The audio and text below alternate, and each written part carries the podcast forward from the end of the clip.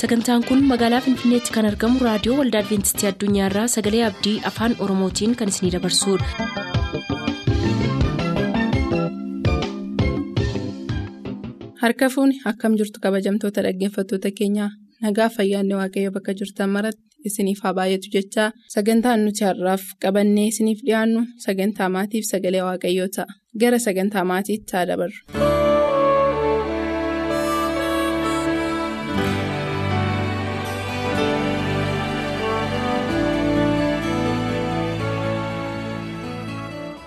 Nagaan waaqayyo waaqa jiraataa iddoo jirtan hundumaatti isin haa ga'uuf jechuun jaalladhaa akkam jirtu dhaggeeffattoota raadiyoo adventistii addunyaa sagantaa maatii jalatti guyyaa har'aa immoo kan qabannee isin dhiyaanne mata duree maatiin qaban keessatti mata duree adda addaa irratti kan dubbachaa akka turre yaadatama inni guyyaa har'aa qabannee dhiyaanne immoo abbaa manaaf haadha manaa walitti dhufanii bultoo jaarratan gidduu walii amantaan jiraachuu. Akka inni qabu kan ilaallu ta'a. Sanatti darbuu fuuldura garuu idduma jirtutti boqoo keenya gadi qabannee waaqayyoon kadhannaa waaqayyo akka nu wajjin ta'uuf hin kadhanna. Baraaf baroota dabarsitee bara baraan ati duwwaan kan jiraattu lafa kufanii kan nama kaaftu seenaa namaa kan jijjiirtu gadda namaa gammachuutti kan geeddartu alfaaf oomegaa jalqabniif dhumnisi kan ta'e yaa waaqayyo gooftaa guddaa si galateeffannaa nu ijoollee kee barootaaf guyyoota jiraannee. Dabarsine keessaa guyyaa har'aa keenya akka si galateeffannuuf waan nu gargaarteef galanni guddaan siif haa ta'u yeroo kana immoo mata duree irratti haasa'uudhaaf fudhannee dhiyaanne kanarratti akka nu eebbiftu gargaarsi kee waaqayyo waaqa maccaa akka nu wajjin ta'uuf jaala kennuuf haa ta'u iddoo jirru hundumaatti kan dhaga'u gurra keenya bantee isa dhageenyatti immoo jiraachuu akka dandeenyuuf nu gargaarii maqaa kee gooftaa yesus kiristoosiin ameen. abbaan manaa haadha manaasaa haati manaa abbaa manaashee kan gammachiisu. Beekuun akkasumas jireenya isaanii bultoo isaanii fi gammachuu kan kennu yaada gaarii walii dhiyeessuu wal kabajuu fi kan kana fakkaatan raawwachuu akka isaan qabanii maatii keessatti iddoo olaanaa qabaachuu isaa beekuun barbaachisaadha. Maal jechuu barbaadeen?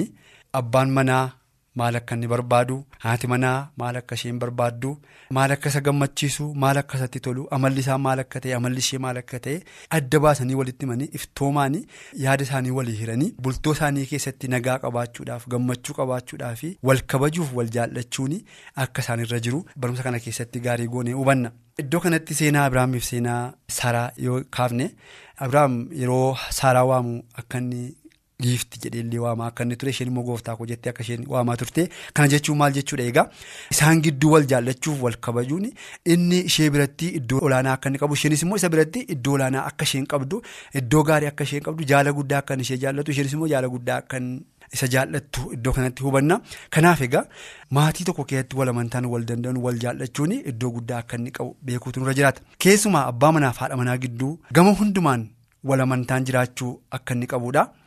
Mana isaaniif bultoo isaanii fi rakkina qaban keessatti waliin mari'achuudhaan waliin haasa'uudhaan wal deeggaruudhaan wal jabeessuudhaan rakkinni yoo jiraate illee mariidhaan hiikuu akka isaan irra jiraatudha.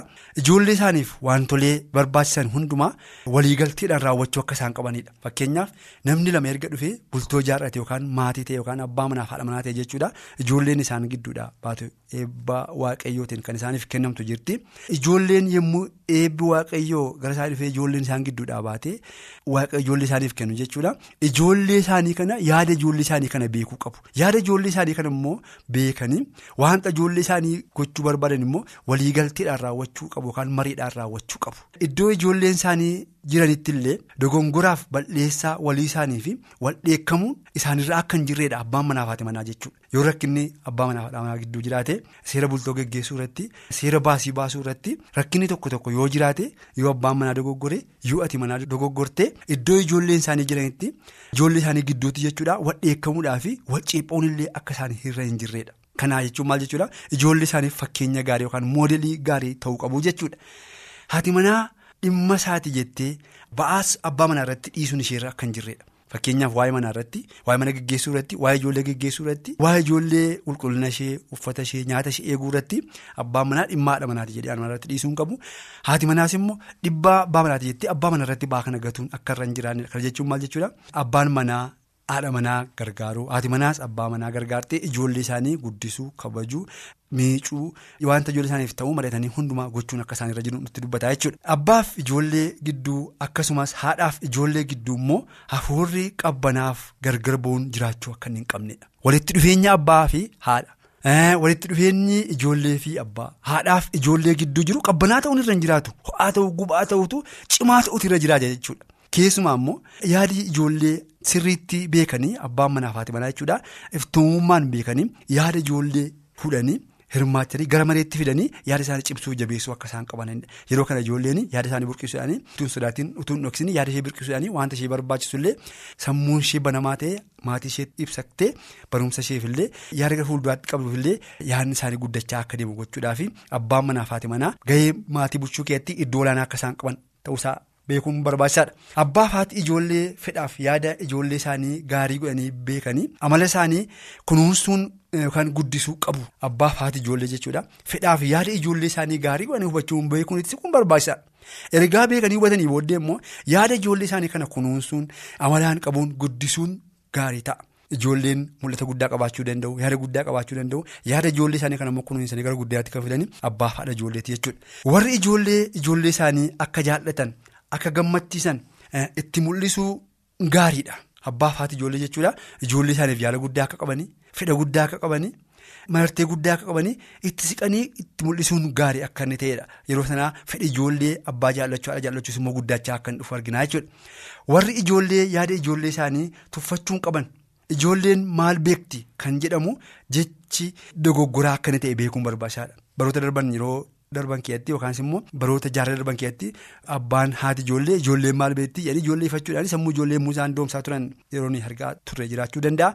Inni kun ammaafuu qaba jechuudha. Ijoolleen maal beekti kan jedhamu sammuun ijoollee akka inni doomaa akka inni dadhabaa dhufu ta'u gochuu waan danda'uuf dogoggora akkasiirraa of eeggachuu tururra jiraata. Ijoollee wanta isheen dubbachuu irratti gargaaruudhaan kunuunsuudhaan gara ciminaatti gara guddinaatti fiduun akka nurra jiraatudha. Yaada ijoolleen qaban kunuunsuudhaan guddisuu qabuun akka isaan qaban nu yaadachiisa ijoolleen kun. Abaaboo waan ta'aniif bor guddatanii ija godhatanii biyyallee namoota bulchan ta'uu waanta danda'aniif yaada ijoollee gaarii goonee qabuun akka nurra jiraatu nutti dubbata. Ijoollee isaanii wal caalchisuun immoo akka irra hin jiraannedha abbaa fi haati jechuudha. Ijoollee isaanii wal caalchisuun dogoggora yookaas immoo yakka guddaadha jechaadha. Ijoolleen akka hapheetti waan sammuun ishee qabu kan gadi hin dhiibne ta'uusaa beekne har'aa. Wanta jecha hin taane jecha badaa sammuu ijoollee keessa yookaan keenye ijoolleen isaanii irraanfattu.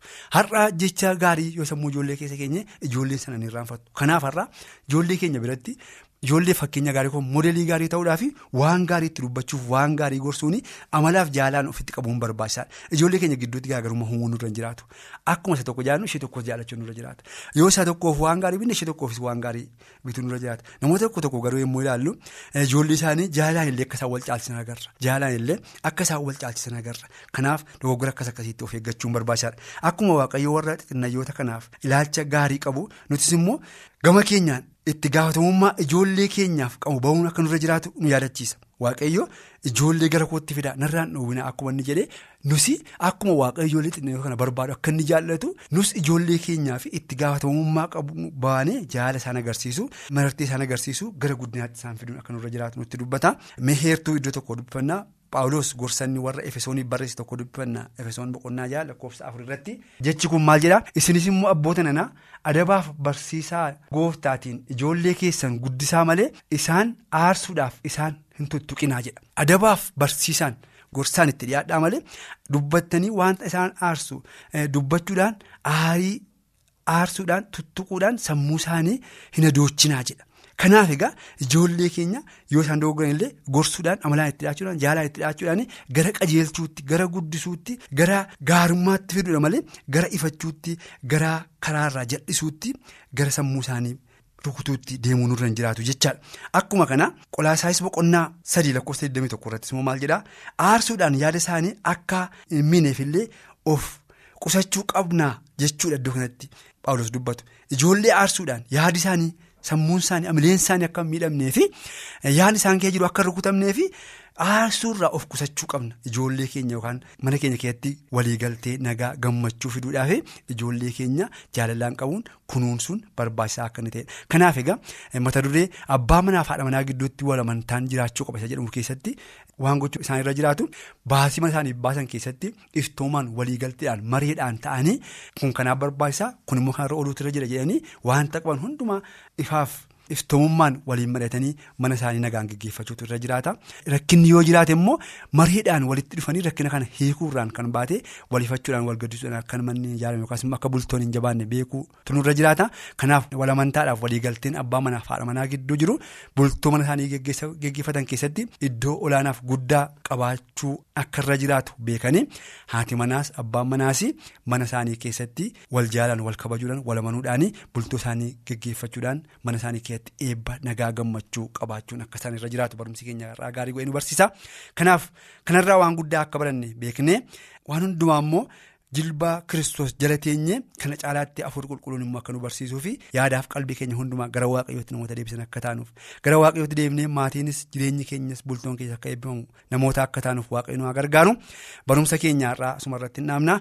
Guyyaa biraa mata duree biraan deebinee amma wal agarruutti bakka jirtan hundumaatti ayyaanni waaqayyo isiniif haa baay'atu nagaadhaan tura.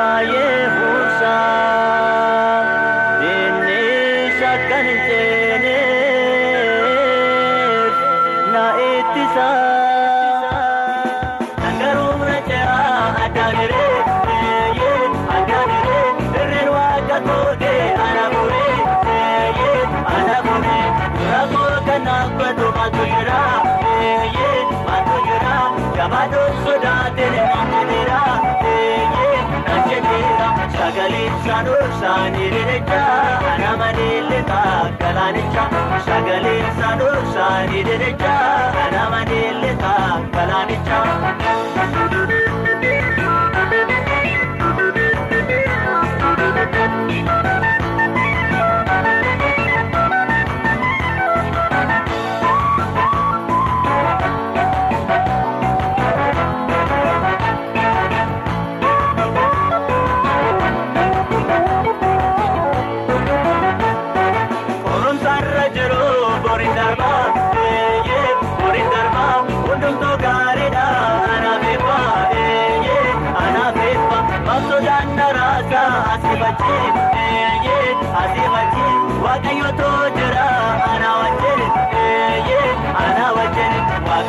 Waaqayyoon kooti anis kansaa eenyuuta harka isaati ana baasa.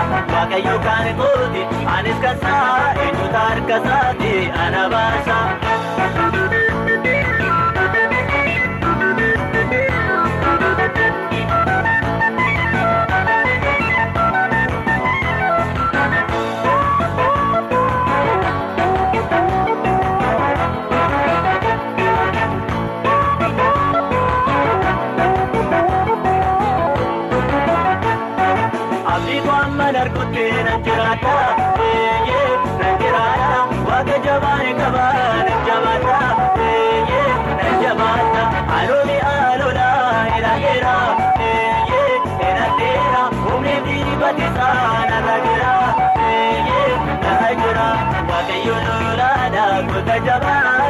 Samaa keessa karaa qaba waaqayyoon lolaadha goota jabaa qilleensa maa keessa karaa qaba.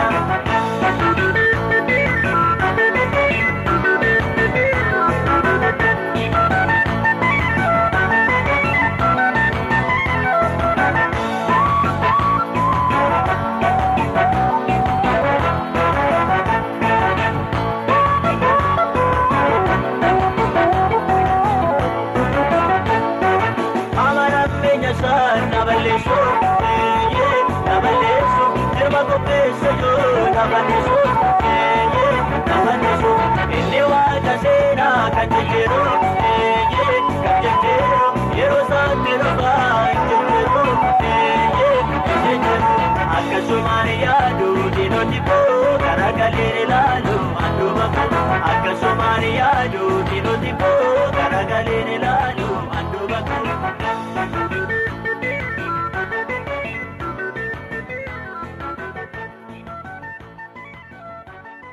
turtanii raadiyoo keessan kan banattan kun raadiyoo adventistii addunyaa sagalee abdiiti. Kanattaan sun luba iddoo saalikaasaa sagalee waaqayyoo qabatanii dhiyaatu nu hordofa.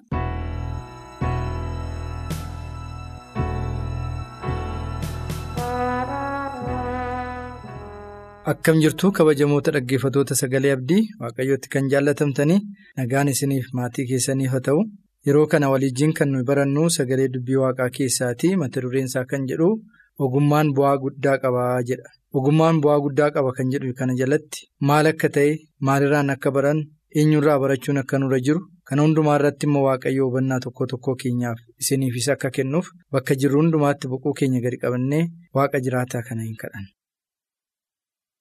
Waaqa Abbaa, Waaqa Ilmaa, Waaqa Afura Qulqulluu, Waaqa Sadan Tokkichaa, ogummaan ogummaa caalu, beekumsi beekumsa caalu si biraa dhufaa. Kanaaf yeroo kana gaa obboloota koo kana saba kanaaf ogummaa keessa samii isa hubannaa kennu isa du'aa gara jireenyaatti nama fidu, isa dukkana namaa ibsu, isa jireenya namaa ta'ee dubbii kee dubbii jireenyaa kana yeroo dhageenyu gurra hubatu qalbii fudhatu jireenya samaa'iif kan qophoofnu kan biraa kan ittiin qopheessinu akka taanuuf ati nutti dubbadhu.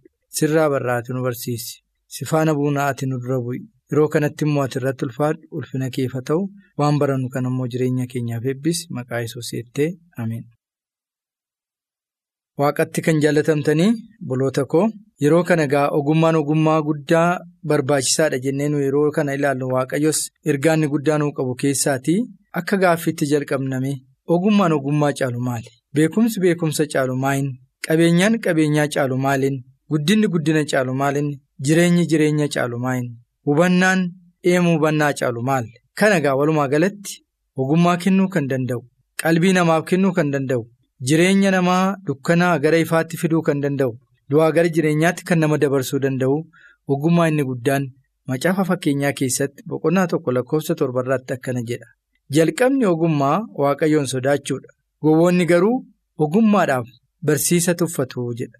Jalqabni ogummaa, jalqabni jireenyaa. Hundeen ifa ilmoo namaa kan ta'e egaa waaqa jiraataa kana hubachuu waaqa jiraataa kanaa wajjin jiraachuu isaan oolanii isaan bulanii isaaf jiraatanii isaatti deddeebi'uudha egaa ogummaan beekumsi guddinni jireenyi jireenya caalu kana obboloota ko kanaaf amma yeroo kana egaa ogummaa kennuudhaaf jabina kennuudhaaf guddina kennuudhaaf bultoo keenya qajeelfachuudhaaf.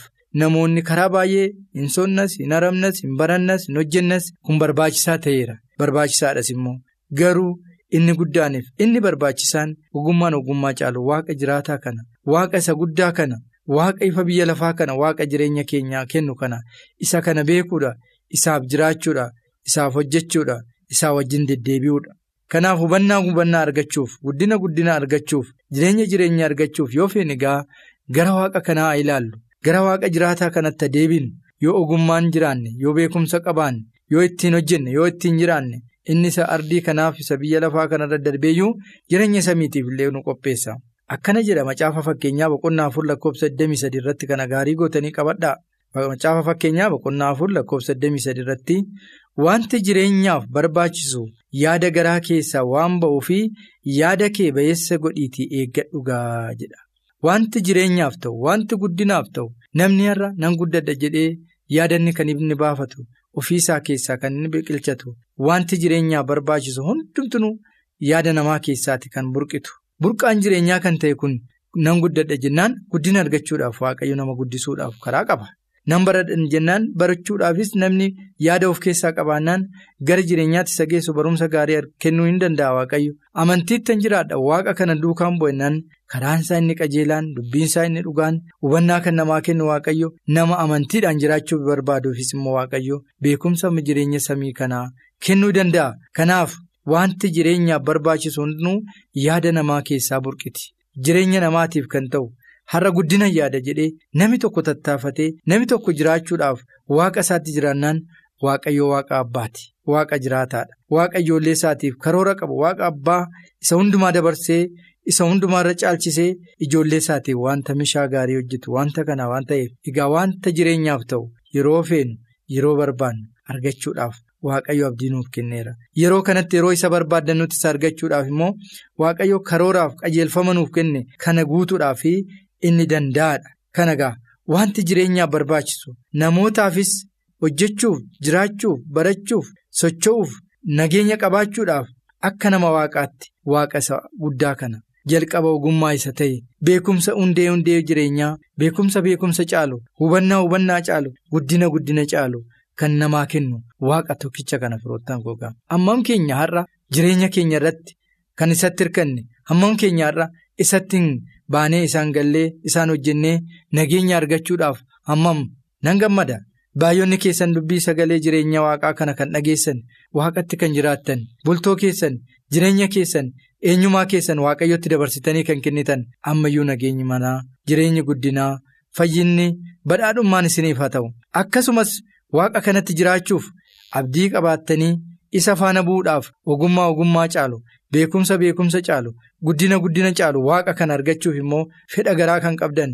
Waaqa kanatti kan seeqaa jirtan anan gammada nan abdadha isinillee warra waaqaaf jiraattan warra waaqaaf hojjettan taatanii fedhii keessaniif yaada keessan waaqa duukaa kan buusaa jirtan akka isatti jabaattaniif akka isa feetaniif akka isa argattaniif akka isatti jiraattaniif nan abdadha kanaaf inni ogummaa kennu inni beekumsa kennu inni jireenya kennu waaqayyo isinii wajjin haa ta'u.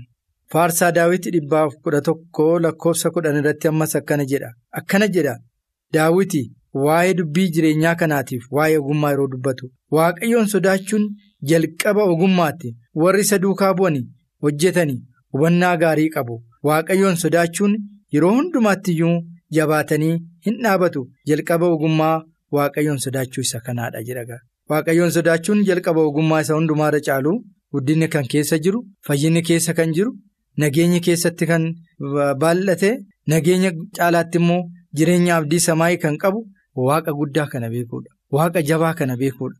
Waaqa abbaa keenya kana hubachuudha. Yoo isa hubanne gaa isa kana jireenya obbolootaan koo firoottan koo waaqatti kan jaallatamtan innoo waaqa isin gargaaru waaqa nagaa isiniif kennuudha. Akkana jedha seenaa gabaabduu tokkoon isinitti dubbadhame. Haraba tokko ture yeroon isaa yeroo beelaa ture namni kun utuu karaa deemee gara iddoo tokkotti deemee beela'eeraatii beela isaa kana keessaa ba'uudhaan waa nyaachuu barbaadee ture. Kanaatiif teemer kan jedhamu. Nyaata baay'ee minyaa'aa kan ta'e yeroo dheeraadhaaf teemeriin fakkeenyaaf isinitti dubbachuudhaaf namni teemeriin dhaabu waggaa afurtama guutuutti kan inni ija godhatu. Kanaaf egaa teemeriin hojjechuun ogoofsa baay'ee qabas nyaati isaas immoo nyaata cimaadha.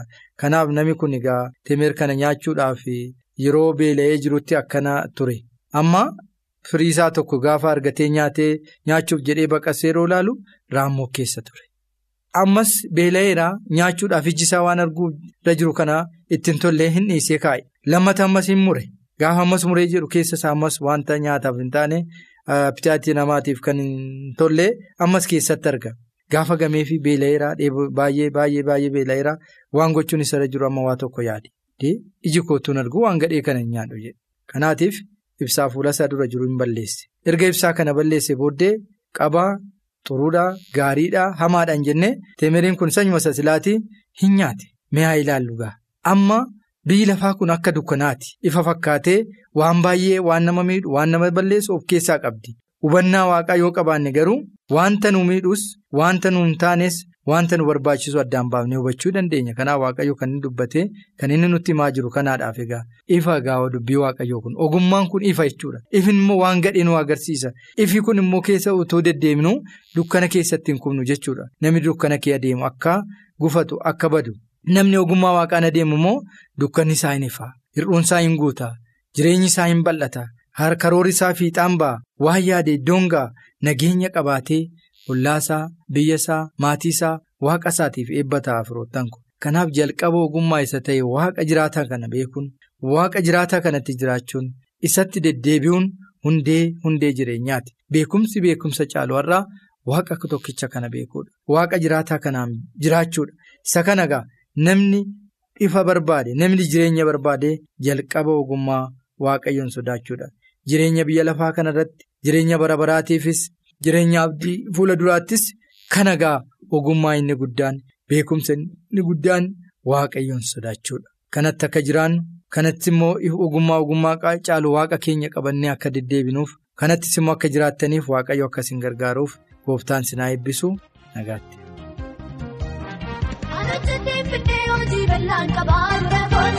Sichi deemee labsa maqaa waaqa kootii komuun daagaa. Simbaa fi yaale arra ciniinna taa'u na kooti.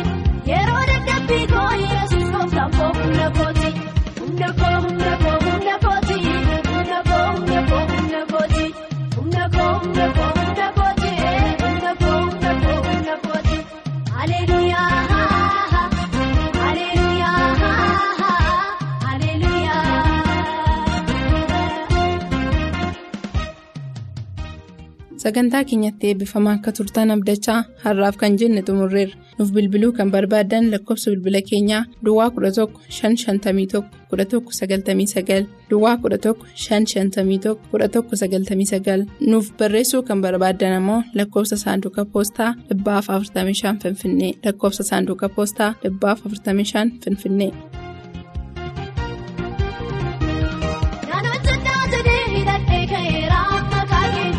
Şimdi kol kopsa